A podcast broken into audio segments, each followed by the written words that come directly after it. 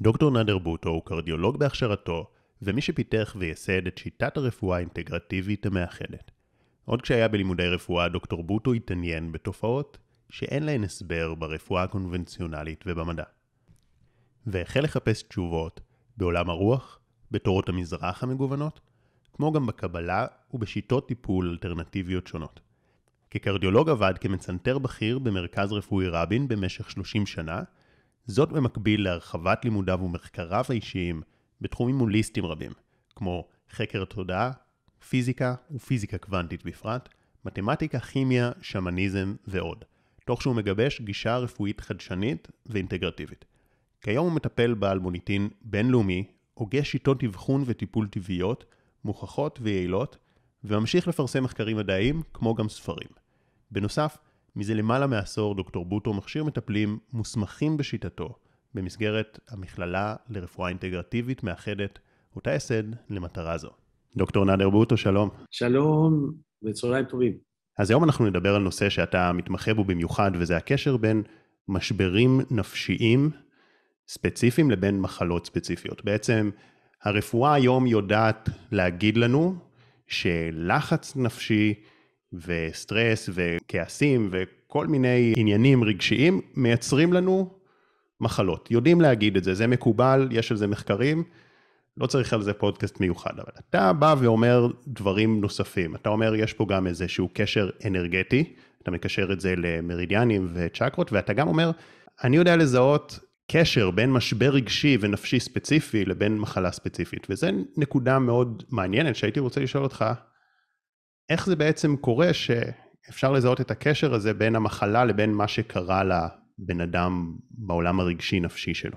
אולי לפני המחלה, אה, כדאי להוסיף את הממד הרוחני לנוסחה הזאת שהיא חסרה ברפואה. זאת אומרת, אנחנו יודעים שסטרס כן משפיע על, על הגוף, ויש לנו גם את כל המידע וכל המחקרים שמתארים בצורה מדוקדקת מה קורה בזמן סטרס ואיך ההורמונים עולים ואיך מערכת הסימפתטית של המוח מופעלת ואיך היא משפיעה על האיברים השונים, אבל חסר לנו את הממד הרוחני. הממד הרוחני זאת הנשמה. וכל עוד חסרה לנו את הנשמה, בעצם הנוסחה תהיה אה, חסרה ואין לי אפשרות להסביר במונחים שהם לא ביוכימ, ביוכימיים, אלא במונחים איך אנרגיה יכולה להשפיע על הגוף. אנחנו עצרנו בממד הביוכימי בלבד, אבל אין לי עד היום תיאוריה שאומרת לי, רגע, אבל מה זה מחשבה? איך בן אדם חושב?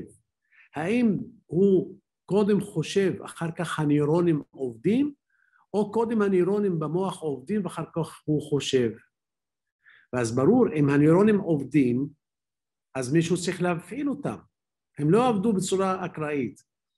והמישהו הזה שמפעיל אותם זה בדיוק האינטליגנציה של הנשמה. והנשמה זה האנרגיה והאינפורמציה שממפישה גם את הגוף וגם את הנפש. וכאן אני עושה את ההבדל מבדיל בין נפש לנשמה, אז תחשוב שהנשמה זה ה cloud, זה האנרגיה. אם אני לוקח את הטלפון הסלולרי הזה, אז יש בו אנטנה שהיא קולטת. עכשיו, מה שהיא קולטת, הטלפון קולט את התדרים ומעבד אותם במכשיר. Mm-hmm. מה שיוצא, זה מה שאני רואה, זה הנפש בעצם. המכשיר עצמו זה המוח. המוח הוא מעבד גלים, הוא לא מייצר שום דבר, הוא לא המקור של אה, מייצר אינפורמציה, הוא לא מייצר שום אינפורמציה, הוא יודע לעבד אינפורמציה כמו שהמחשב יודע לעבד אינפורמציה. Mm-hmm. ואנחנו קולטים את האנרגיה אה, ואת האינפורמציה הזאת מהנשמה, והנשמה היא, אפשר להשוות אותה לקלאוד מסביבנו, זה שדה מגנטי שמכיל אינפורמציה שבאה באינטראקציה עם המוח, חלק ממנו, אז קוראים לזה נפש. החלק שלא בא באינטראקציה עם המוח קוראים לזה הלא מודע. לכן הלא מודע לא נמצא במוח גם כן. הלא מודע זאת האינפורמציה שלא באה באינטראקציה עם המעבד גלים שזה המוח. לכן פרסמתי מאמר על הממד הרוחני זאת אומרת הנשמה, וזה עבר את הביקורת העמיתים המדעית, והצגתי את זה בצורה כמובן מדעית, והפיזיקה הקוונטית עוזרת לנו מאוד. כאשר אני מדבר על רוח, בעצם אני מדבר על מצב קוונטי, מצב של אינפורמציה, שבאה באינטראקציה עם הגוף, היא, היא מודיעה לגוף מה לעשות, איך לתפקד, איך להתנהג. ובנוסף לזה, עם השנים התחלתי לחשוב אה, שאנחנו ברפואה מטפלים בסימפטומים של הבעיות. אנחנו לא שואלים שאלות, אבל רגע, בן אדם שיש לו כאב ראש, והוא הולך לרופא, מה עושה? מקסימום יעשו לו בדיקות, רק לראות שאין גידול סרטני במוח או אין איזה מחלה אורגנית. אם אין שום דבר כזה, מה הוא עושה? לא שואל שאלות למה יש לו כאב ראש, אלא נותן לו תרופה נגד כאבי ראש. אמרתי, רגע, אבל יותר מ-90% מהמחלות שאנחנו מטפלים בהן, הסיבה לא ידועה. אמרתי, האם הלכתי ללמוד רפואה כדי לטפל בסימפטומים, או לעזור לבן אדם להבין מה עומד מאחורי הבעיה? הרי באוטו שלנו, אם מנורה מהבהבת ואומרת לי שחסר לי דלק, אני הולך לשים דלק, אני לא מטפל במנורה מהבהבת. אבל ברפואה אנחנו מטפלים במנורה מהבהבת. יש לי כאבים בכתף, אני הולך ונותן לו נגד דלקת. ויש לי אסתמה, אני נותן לו תרופה להרחיב את הסימפונות. והיה לו התקף לב, אני נותן לו מדללי אה, דם, כדי שהאדם לא ייכרש, ונותן לו נגד אה, לחץ דם ונגד סכרת ונגד אה, כולסטרול גבוה, לא פתרתי את הבעיה. זה כמעט 30 שנה שאני עובד בתחום הזה מבחינת הקשר בין מחלות לב למחלות, לבין משברים נפשיים. לי זה היה ברור, ברור לכולנו, בסופו של דבר. כשבן אדם עובר משבר פרידה מאדם יקר, מה הוא אומר? נשבר לי הלב. אז אם הוא אומר נשבר הלב, אמרתי, אני הולך לבדוק אם יש קשר בין שברון לב רגשי לבין מחלה גופנית.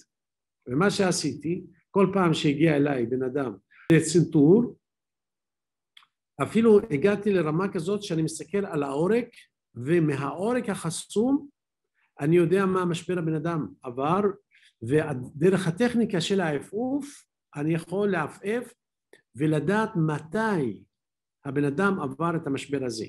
דוגמה, אם הבן אדם היה לו משבר פרידה מאישה, אז זה פוגע בעורק הקדמי היורד, זה העורק השמאלי, שהוא שונה מהעורק השמאלי שקוראים לו עוקף, כן? שזה נפגע כשיש בעיית פרידה מאימא. והעורק הימיני נפגע כשיש בעיית פרידה מאבא או מבן או מאיש יקר, או אפילו חבר לב פוגע בלב. בגלל זה קוראים לו חבר לב, כן? יש לי שתי שאלות ככה שעולות לי בהקשר הזה.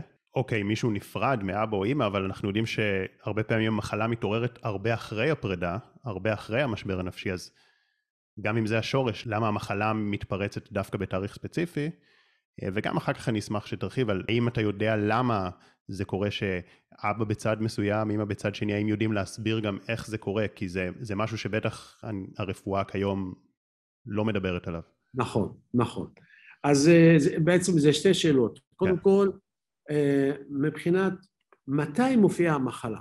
קודם כל, בואו נגדיר את הדברים, מאוד חשוב להגדיר בריאות ולהגדיר מחלה. משום שהיום הבנו בעצם שברפואה חושבים שחוסר מחלה זה בריאות. זאת הסיבה שבן אדם הולך לרופא, הוא רוצה שירפא אותו מהמחלה שקיימת, שזה בעצם בשבילי זה הסימפטום של הבעיה ולא הבעיה, ולפי הרפואה הוא בריא. היה לו אולקוס, קיבל אנטיביוטיקה, אין אולקוס, הוא בריא. קודם כל אני חזרתי להגדרה של בריאות לפי ארגון הבריאות העולמית, שהגדיר בריאות כמצב של רווחה מלאה, גופנית, נפשית, חברתית, הוספתי לזה גם רוחנית, ולא רק היעדר של מחלה. זאת אומרת, ארגון הבריאות העולמית אמר לנו, היעדר של מחלה זה לא בריאות, אלא צריך להיות רווחה. ומה זה רווחה? רווחה זה מצב רוח שבו האדם מרגיש שהוא מסוגל ליישם את השאיפות שלו בחיים עם תחושת אהבה, עושר ושחרור.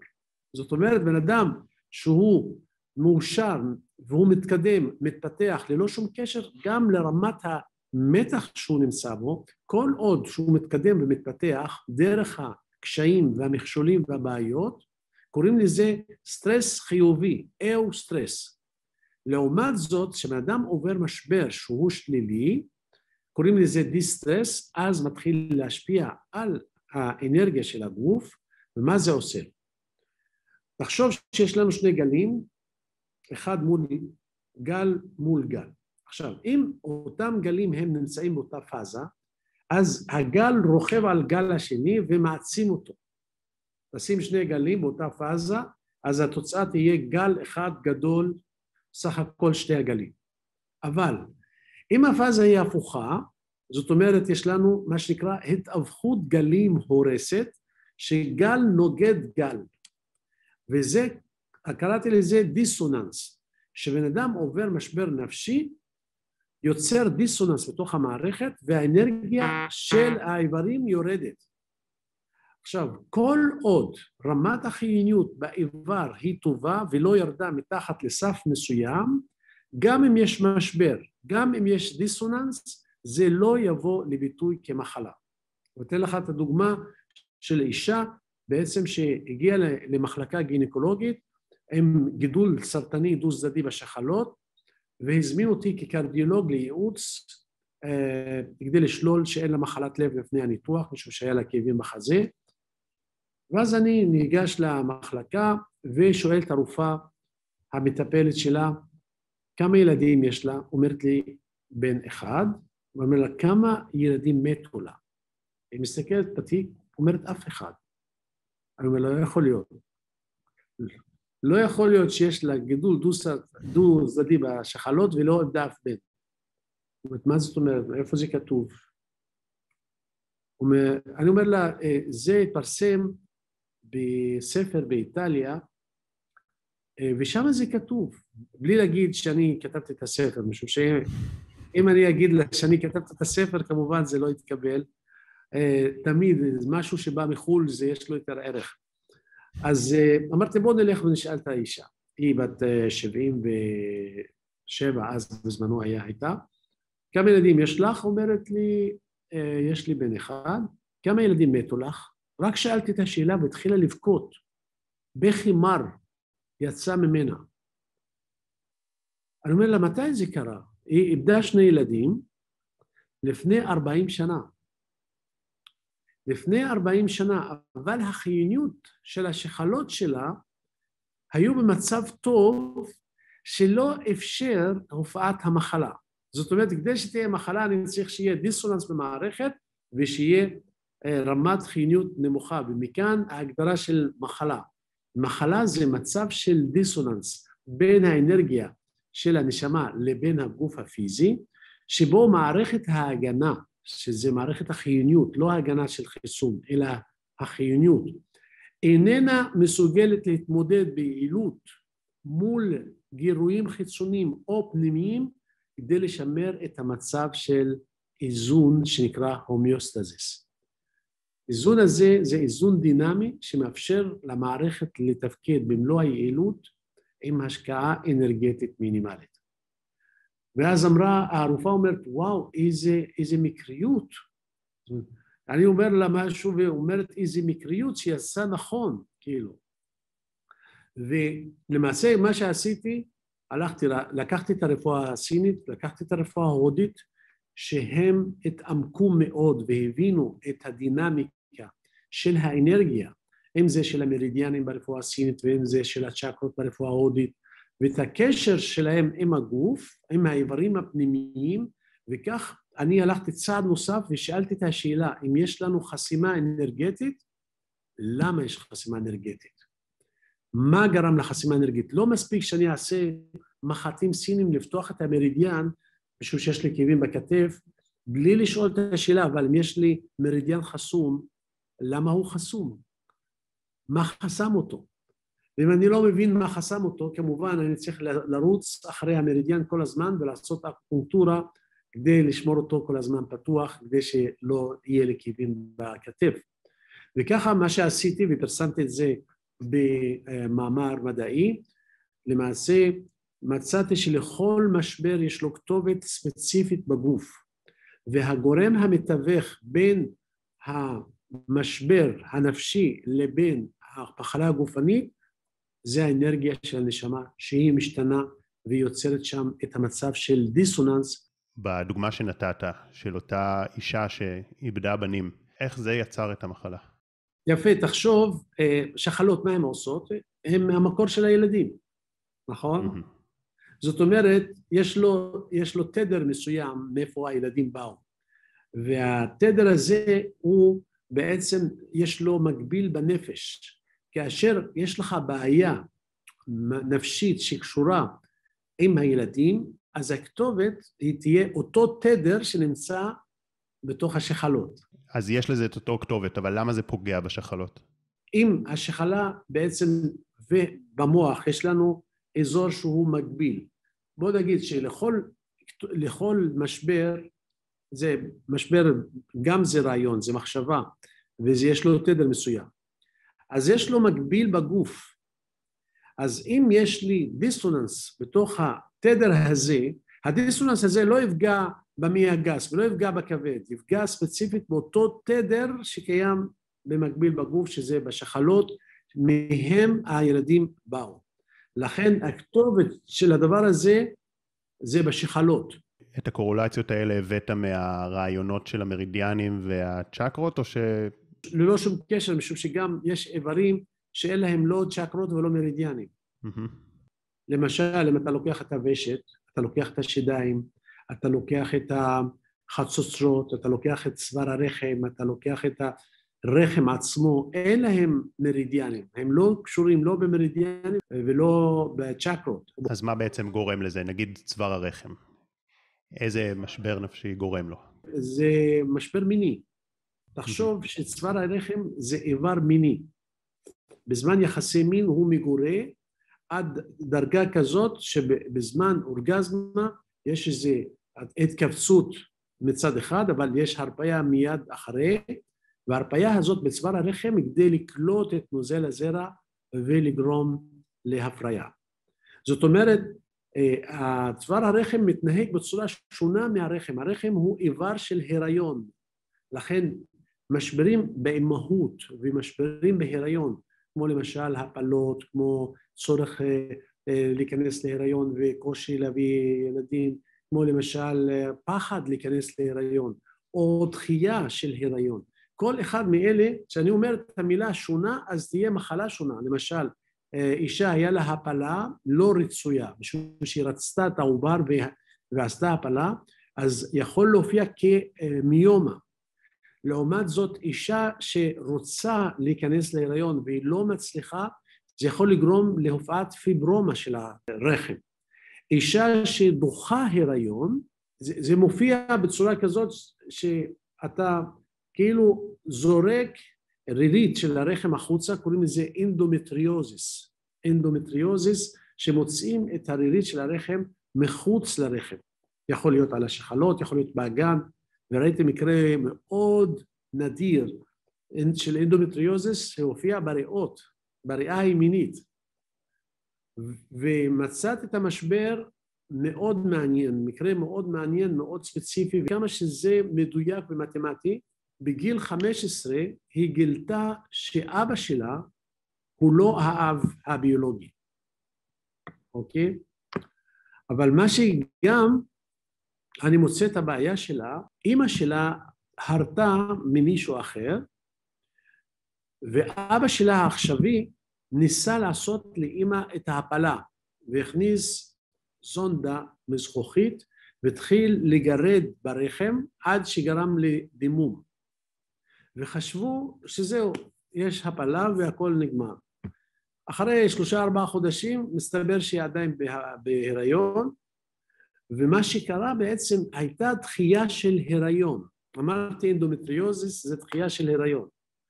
אבל מעניין שגם פחד נטישה פוגע בריאה הימינית, פחד נטישה מאבא.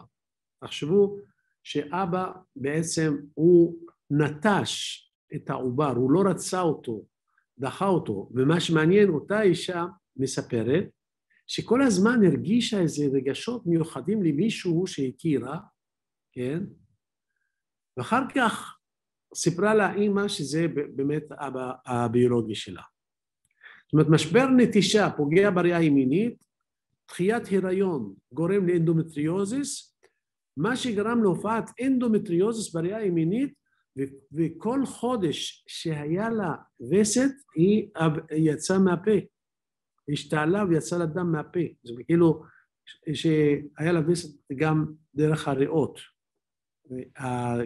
התאים של הרחם הגיבו להורמונים וגרמו לתופעה הזאת. תופעה מאוד נדירה, אני לא שמעתי על התופעה הזאת אף פעם שזה קיים בעצם. אנשים יקרים, מיד נמשיך בפרק. רק רציתי להגיד שאני מודע לכך שאנחנו מדברים כאן על הרבה נושאים שבכל אחד מהם אפשר ורצוי להעמיק הרבה יותר, ולתת עוד דוגמאות והסברים. ואם זה מעניין אתכם, אז תכתבו לי בתגובות על מה הייתם רוצים שארחיב בפרקים הבאים, ואם הייתם רוצים עוד פרק עם דוקטור נדר בוטו. אם יהיו כאן הרבה תגובות, אעשה עוד תכנים בנושאים האלו, וכמובן, תעקבו אחרי הפודקאסט והצטרפו לקבוצת הוואטסאפ שלנו בתיאור למטה, כדי שתוכלו לקבל עדכונים על פרקים ותכנים חדשים שעולים. אנחנו ממשיכים. דיברנו על הרחם או צוואר הרחם, ואמרת שזה איזשהו משבר במיניות. נכון. אז נניח שמישהי גילתה שם איזושהי בעיה, אולי איזשהו אה, גידול, ואז היא אפילו מזהה, אוקיי, באמת היה לי איזה עניין מיני. זיהיתי את זה, נכון, נכון, היה לי משהו. מה היא יכולה לעשות עם זה, עם הידע הזה? יפה. אז מאחורי כל משבר יש פוטנציאל למידה, וזה מחזיר אותנו חזרה לשאול את השאלה הספציפית, אבל בשביל מה באתי לחיים? וכל אה, בן אדם שבא אליי לטיפול, אני שואל את השאלה הזאת, בשביל מה באת לחיים? ואני יכול להגיד לך ש-99.999% מהאנשים לא יודעים בשביל מה באנו לחיים. אה, באנו לחיים כדי לעשות השתלמות. אני לא באתי כדי לעשות ילדים, לא באתי כדי ליהנות, לא באתי כדי אה, שאני אצליח בחיים, אני, לא באתי אפילו להיות מאושר. אלו הם לא מטרות. המטרה האמיתית שבאתי לחיים כדי לעשות השתלמות, ללמוד, להתקדם ולהתפתח. אני זה שמדבר ברגע זה, אני ישות רוחנית, אני הנשמה שמשתמשת בגוף הזה כדי לדבר. אני הנשמה הזאת, באתי כדי לעשות השתלמות, כדי להתקדם, להתפתח, לעלות צעד נוסף לכיוון האור הנצחי. זאת אומרת, אני מבין ומקבל שהקשיים הם חלק מתהליך ההשתלמות. עכשיו, אם אני דוחה את זה, אז תהליך ההשתלמות נתקע, אני לא ממשיך הלאה, ואז קוראים לזה משבר. המשבר נשאר רשום בתוך המערכת ומפריע לי. אם לא הבנתי שיש משהו מפריע לי, אז מופיע כמחלה פיזית. זאת אומרת, המחלה הפיזית זה שלב נוסף למשבר שלא הבנתי את המשבר ולא הבנתי איזה שינוי אני צריך לעשות. זאת אומרת, זה לא המשבר בפני עצמו, אלא זה זה שלא הבנתי את המשבר ולא פתרתי אותו, כי משברים נכון. בעצם יהיו כל הזמן בחיים.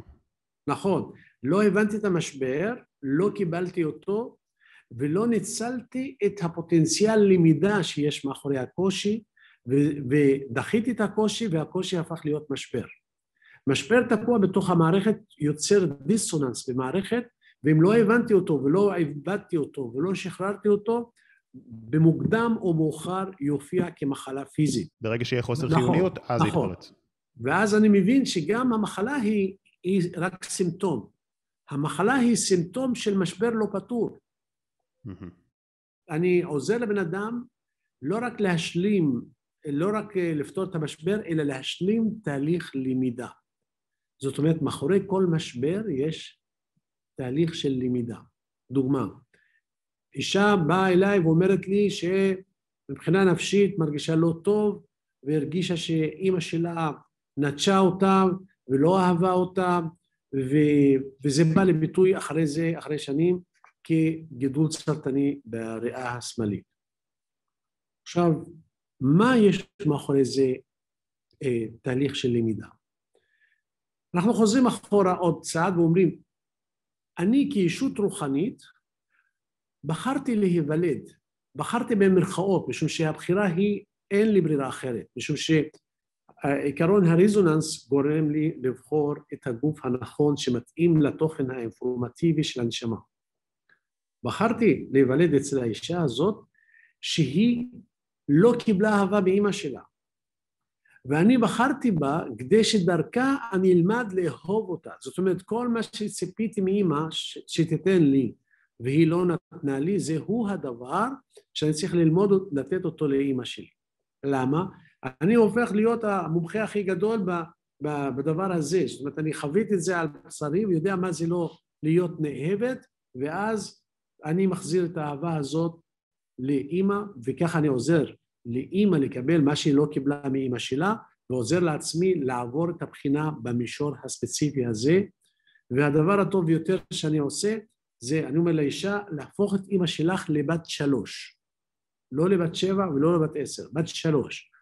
ולאהוב אותה כאילו שהוא הבת שלך, כבת שלוש. למה בת שלוש? משום שלא חשוב איך היא מגיבה. הבת שלוש יכולה ללכלך את הקיר ולקפוץ על הספה ולעשות פיפי כאן ו, ולעשות את הדברים, ואומרים איזה חמודה ו, ומקבלים אותה. היא כבר בת שבע, כבר צועקים עליה ולמה ואיך. ו...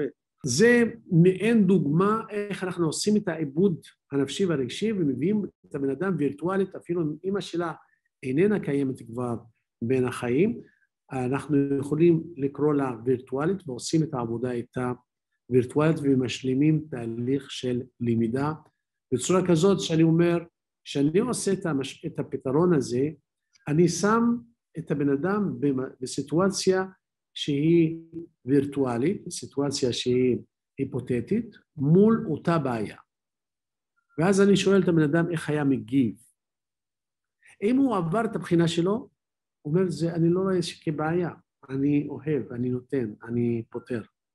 אם הוא שוב אומר, אני נעלב ואני אה, כועס ואני לא מקבל, זה אומר שלא, שלא עברה את הבחינה שלה וממשיכים את העבודה עד שלא מסיימים. זאת אומרת, אם עדיין יש שם רגש. נכון, וכאב, יש רגש. זה אומר שהמשבר לא נפתר. לא נפתר. אם אני לוקח את מה שאתה אומר, בן אדם בא עם בעיה בלב, עם אסתמה, עם בעיה במעי, עם איזושהי בעיה רפואית, אתה בא ושואל לאיזה משבר נפשי זה קשור, ואתה יודע גם כבר מראש למפות את זה, אם הבעיה היא במעיים או בלב, ואפילו באיזה צד זה של הלב ובאיזה עורק, אתה יודע נכון. למפות ולתת לו כיוון, ואז נניח שזיהינו את המשבר, המטרה היא לפתור אותו, וזה בעצם יעזור לבן אדם לשחרר את המחלה? נכון. קודם כל, אם אנחנו מתייחסים למחלה כסימפטום של הבעיה, אז המחלה מקבלת, אה, אה, מקבלת חשיבות משנית, אוקיי? אני רוצה להביא את הבן אדם לרווחה. הבנו שבריאות אמיתית זה רווחה.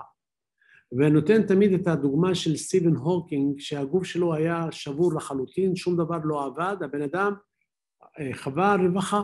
למה? הוא הרגיש שהוא מסוגל ליישם את השאיפות שלו בחיים. והבן אדם הזה התחתן שלוש פעמים עם, עם גוף שלא מתפקד כלום. הדבר היחיד שהתנועה של העיניים ותנועת אצבע זה הדבר היחיד שזז, ודרכו הוא מדבר דרך אה, את המחשב ומביא את הרעיונות שלו וכתב ספרים והביא תיאוריות חדשות ו, אה, ומשך את אחריו את הקהילה המדעית עם כל הרעיונות והתיאוריות שהוא הביא. זאת אומרת, ברגע שבן אדם עובר את המשבר, הממד הפיזי מקבל חשיבות משנית, מכיוון והאנרגיה אה, הפכה להיות רזוננטית, וזה, ככה אני מגדיר בריאות. בריאות זה מצב של רזוננס בין האנרגיה של הנשמה לבין הגוף הפיזי, שבו מערכת ההגנה, שזה החיונות, מסוגלת להתמודד ביעילות מול גירויים חיצוניים או פנימיים, פנימיים זה רגשות שליליות ומחשבות שליליות, בצורה יעילה לשמר את מצב האיזון של ההומאוסטזיס. זאת אומרת, בריאות, יש לנו שני מדדים לבריאות. יש לנו את הרזוננס ויש לנו מערכת החיוניות. לכן כשיש מחלה אני צריך לתקן שני הדברים. מצד אחד אני פותר את המשבר הנפשי ואז והופך את הדיסוננס לרזוננס, mm-hmm. אבל צריכים להיות מודעים גם לממד האנרגטי, משום שיש מחלות, אם אני לא שם לב לזה, זה יכול לגרום להחמרה. מה זאת אומרת? נניח בן אדם מגיע אליי עם דיכאון, ואני רואה שרמת החיים שלו מאוד נמוכה.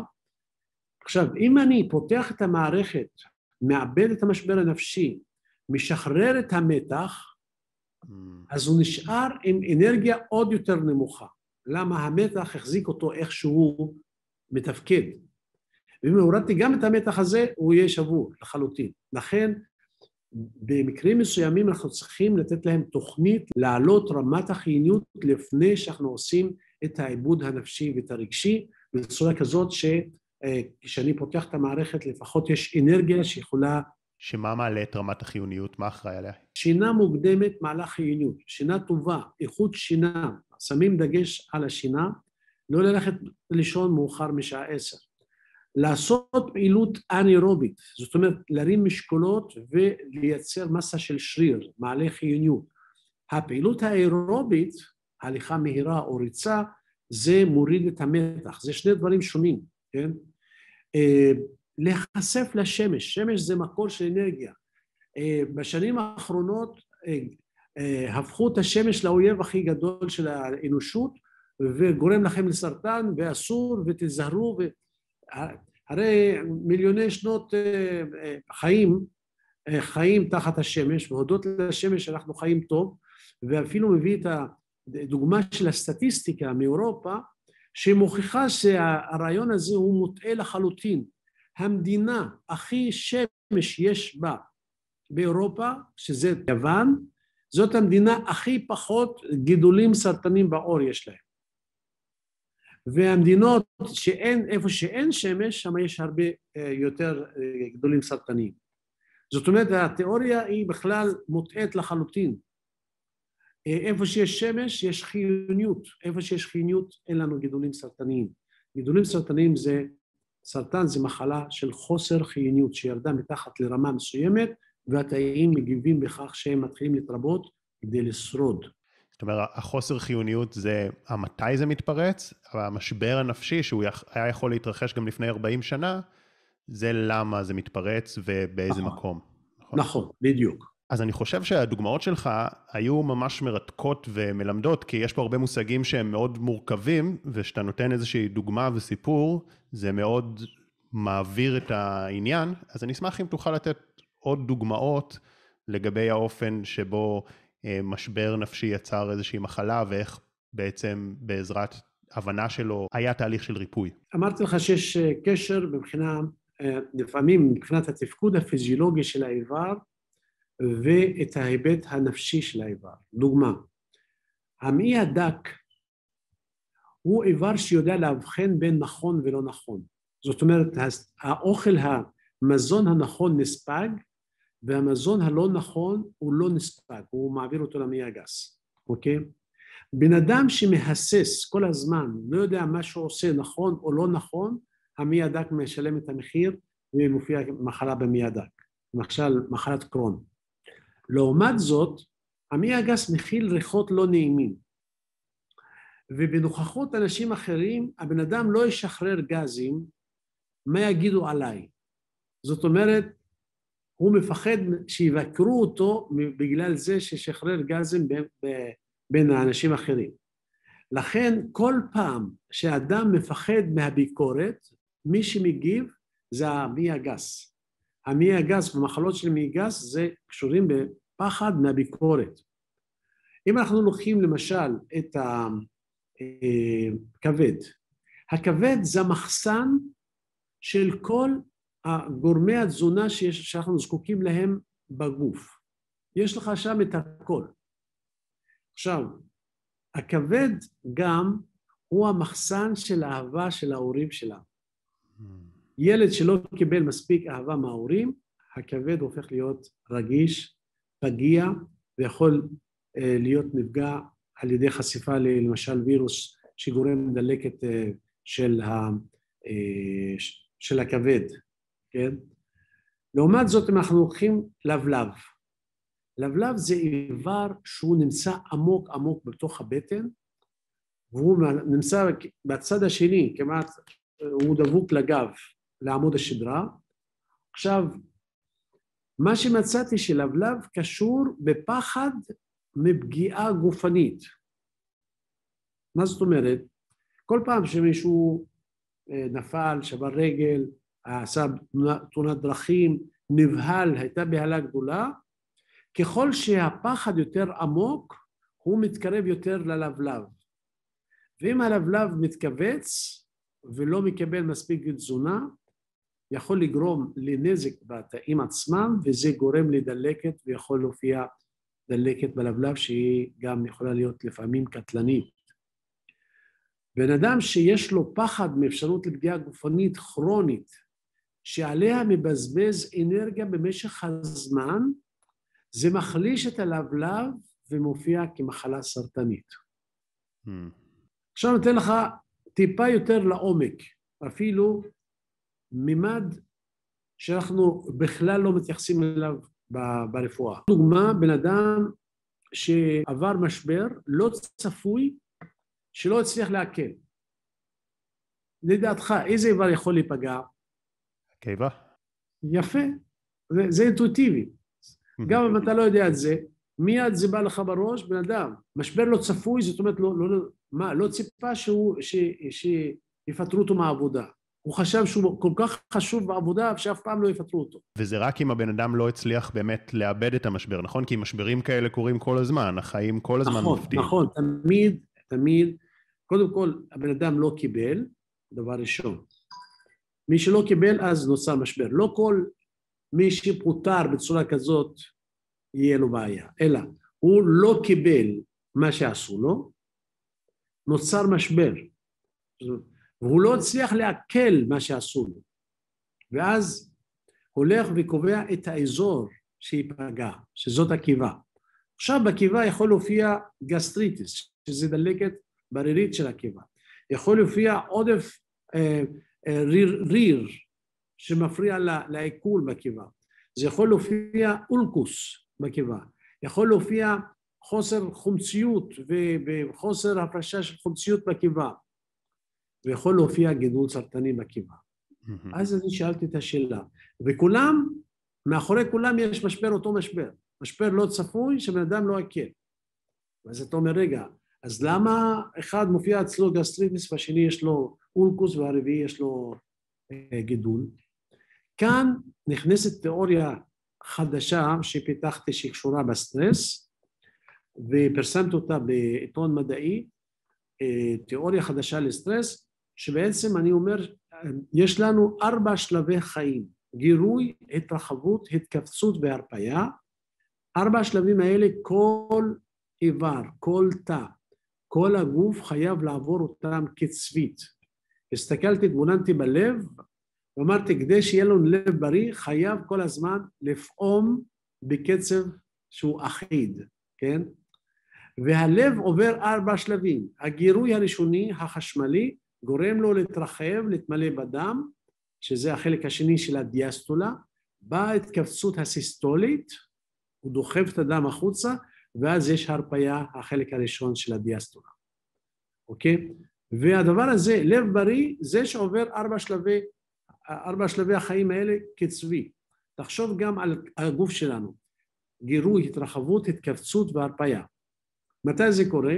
עם מין, הגירוי המיני, גורם להתרחבות של כלי דם, מזיע, נהפך אדום, בהתכווצות האורגזמית הולך לישון כמו מלאך. זאת אומרת, זה קורה בצורה, ככל שאנחנו שומרים על ארבע שלבי החיים כצבי מערכת פתוחה וזורמת, כך יש לנו בריאות. דוגמה, אישה שמקיימת יחסי מין, גירוי, נכנסה בהיריון, שלב השני התרחבות, היא מתרחבת במשך תשעה חודשים, בהתכווצות של הצירי לידה, היא יולדת וכמו בלון ומרפא. זאת אומרת, את ארבע שלבי החיים האלו עוברים ריאות, שרירים, עצבים, אה, קיבה שמתכווצת, עושה 70, 70 אה, התכווצויות בדקה בקיבה. אה, ומי הגס עושה שלוש התכווצויות בדקה. רקטום עושה אה, פעם אחת בממש, בזמן שיש יציאה. זאת אומרת, וכל תא עובר אותם ארבע שלבים, ומה זה מחלה? זה חסימה באחת מארבע שלבי החיים, שהיא שייכת לאחד מארבע דרגות הסטרס. הסטרס הולך לפי ארבע דרגות. יש לך את האיום, שזה הגירוי, יש לך את התארגנות, זה השלב השני של הסטרס, שזה התרחבות, יש לך תקיפה או בריחה, זה השלב השלישי שיש בו התכווצות, ויש לך את הפתרון של הבעיה שזה הרפייה, או שוק, הלם, עם רמת הגורם המאיים יותר גדולה מהיכולת של הגוף להגיב, אוקיי? עכשיו, כל אחת מארבע שלבי הסטרס האלו, יש לו דרגה של פחד. באיום יש לנו דאגה, בהתארגנות יש לנו פחד ממש, בתקיפה ובריחה יש לנו את הפאניקה, חרדה. בשלב של השוק יש לנו את האימה, איפה שיש לנו אה, שיתוק גם סנסוריאלי, תחושתי וגם מוטורי, מאבד את הכוחות, לכן בן אדם נבהל, פתאום הוא מתעלב, מאבד את הכוחות ולא יכול לברוח. ומכאן בעצם אתה רואה בזמן משבר, דרך אגב, שני השלבים הראשונים קראתי להם משבר, שני, המשברים, שני השלבים האחרים קראתי להם טראומה. זאת אומרת, ההבדל בין משבר לטראומה, במשבר יש לנו דאגה או פחד, בטראומה יש לנו אה, אימה או חרדה, בזמן שהאירוע קורה. וככה אתה מחבר בעצם למה בן אדם היה לו משבר מסוים או טראומה, פיתח את המחלה הזאת, בשביל שכל מחלה, ועשיתי רשימה שלמה, יש לי, בתוך המאמר יש טבלה שלמה, בכל השלבים שיש את החסימה בשלב המסוים, מה שם המחלה באותו איבר. דוגמה, בבלוטת התריס, אם יש חסימה בשלב של גירוי, יש לך יתר פעילות בלוטת התריס. אם זה בשלב של התרחבות, יש לך את הזפק, שבלוטת התריס כולה גדילה, מוגדלת. אם זה בשלב של התכווצות, יש לך קשריות בבלוטת התריס. יש חסימה בשלב ההרפאיה, אז יש לך תת פעילות של... זאת אומרת, באיזה שלב הופיע המשבר? באיזה שלב? נכון. באיזה, באיזה רמה של פחד אה, באיזה רמה של מלווה. פחד, אוקיי. היה זאת אומרת, מלווה. לפי רמת הפחד שהייתה מלוות למשבר, זה יקבע גם את סוג, הסוג של המחלה. המחלה. באותו איבר. הבנתי. זאת אומרת, ממש יורד לרזולוציות מאוד ספציפיות. כן, זה... עוד יותר. פה גם... אה, כן, אפילו מעניין. יותר מזה. בעצם הבנתי למה באיבר מסוים שיש בו גידול סרטני, דוגמה, אתה לוקח את הקיבה, יכול להיות גידול בשם אדנוקרסינומה. זה גידול של הרירית של הקיבה, אוקיי? אבל יש, יכול להיות גם מיוסרקומה, זאת אומרת זה גידול של השריר של הקיבה, כן? או שיכול להיות לימפומה, שזה גידול במערכת הלימפה בתוך הקיבה. ואז שאלתי את עצמי, למה יש לנו את ההבדלים למרות שזה גידול סרטני, יש חסימה בשלב של הרפאיה, חוסר חיוניות זה עושה גידול סרטני. אבל למה יש לנו סוגים שונים? ואז הבנתי איך הבן אדם חווה את המשבר שלו. האם הוא חווה אותו כמשבר הישרדותי, וזה פוגע ברקמה ש... שהמקור שלה מהאנדודרם, הרקמה הפנימית העוברית. כל, כל האיברים שלנו יש, הם, יש אה, אה, ייצוג של שלושת השכבות העובריות, כן? אנדודרם, מזודרם ואקטודרם, השכבה העוברית הפנימית, האמצעית והחיצונית. איך הבן אדם חווה, האם זה משבר הישרדותי, אז השכבה שיוצאת מהשכבה העוברית האנדודרם, שזה במקרה של קיבה למשל, זה הרירית. לעומת זאת, השריר של הקיבה, זה יוצא מהמזודרם, השכבה ששם היה תחושה של חוסר תמיכה, אוקיי? זה שונה מאשר הישרדות. והסוג השלישי זה שמשבר גרם להתנתקות, וזה פוגע ברקמה עוברית שהמקור שלה מהאקטודרם, אוקיי? שזה הרקמה של מערכת העצבים, זה האור וכל מה שקשור בחלקים החיצוניים של, הגוף. ככה נוצרה תיאוריה שלמה של רפואה אינטגרטיבית מאחדת, שמגיעה לרמה של רזולוציה היסטולוגית, זאת אומרת מה, מה, אה, אה, מהבדיקה ההיסטולוגית אני מבין את כל ההיסטוריה, מה שעבר על הבן אדם. וזה כן. כמובן רק על קצה המזלג. מרתק, גם הרבה מהדברים שאמרת זה כבר רזולוציות שהן באמת למטפלים כבר, אה, באמת אני יודע שאתה עוסק בזה אם תרצה להרחיב. האמת, אבל עולה לי רגע עוד איזה שאלה, כי ככה אתה דיברת על המעיים ודיברת על הנושא של ההססנות במעי הדק וביקורת במעי הגס, וככה ממש היה לי בשנה שעברה, היה לי איזה עניין שלי בעיכול, ואני חקרתי אותו בעצמי, לא, לא ידעתי את הפרשנות הזאת אה, שלך, את הקורלציה הזאת, אה, אבל ממש המסקנה שאני הגעתי איתה מול עצמי, שהדבר שיצר לי את הבעיה, אה, היה בין היתר איזושהי הססנות בקבלת החלטה מסוימת. ממש זיהיתי את זה, ועכשיו, לפני איזה כמה חודשים, זה שוב חזר פתאום באופן מפתיע, ובאמת זיהיתי ששוב חזרה לי איזו התלבטות, ברגע ששחררתי את זה זה מיד עבר וזה היה מדהים. שלי זה גם היה מקושר לטחול, האמת מאוד מעניין אותי לשאול אותך מה, מה הטחול העניין שלו. הטחול, יש לנו בעיה שהיא צפויה אבל לא מקובלת. צפויה אבל לא מקובלת? נכון. זאת אומרת, אה, חברה אמרו, תשמעו, אנחנו נתקלנו במשבר בחברה וחייבים לפטר אנשים כדי שהחברה תשרוד. כולם הסכימו. אבל באו ובחרו בו, אומרת, רגע, למה אני? אה, אולי הוא זאת אומרת, ידעו, היה צפוי, כן, אה, שיהיה פיטורים, אבל הוא לא מקבל, הוא זה שיהיה בין המפוטרים, אתה מבין? ואז זה פוגע בתחול. עכשיו, ודבר כזה, סוג כזה של משבר, אז בעצם בן אדם צריך להבין, אוקיי, זה קרה לי איפשהו בעבר, וזה יכול לקרות גם לפני עשר שנים או עשרים שנה, וזה משתלב עם חוסר חיוניות בהווה, נכון? נכון.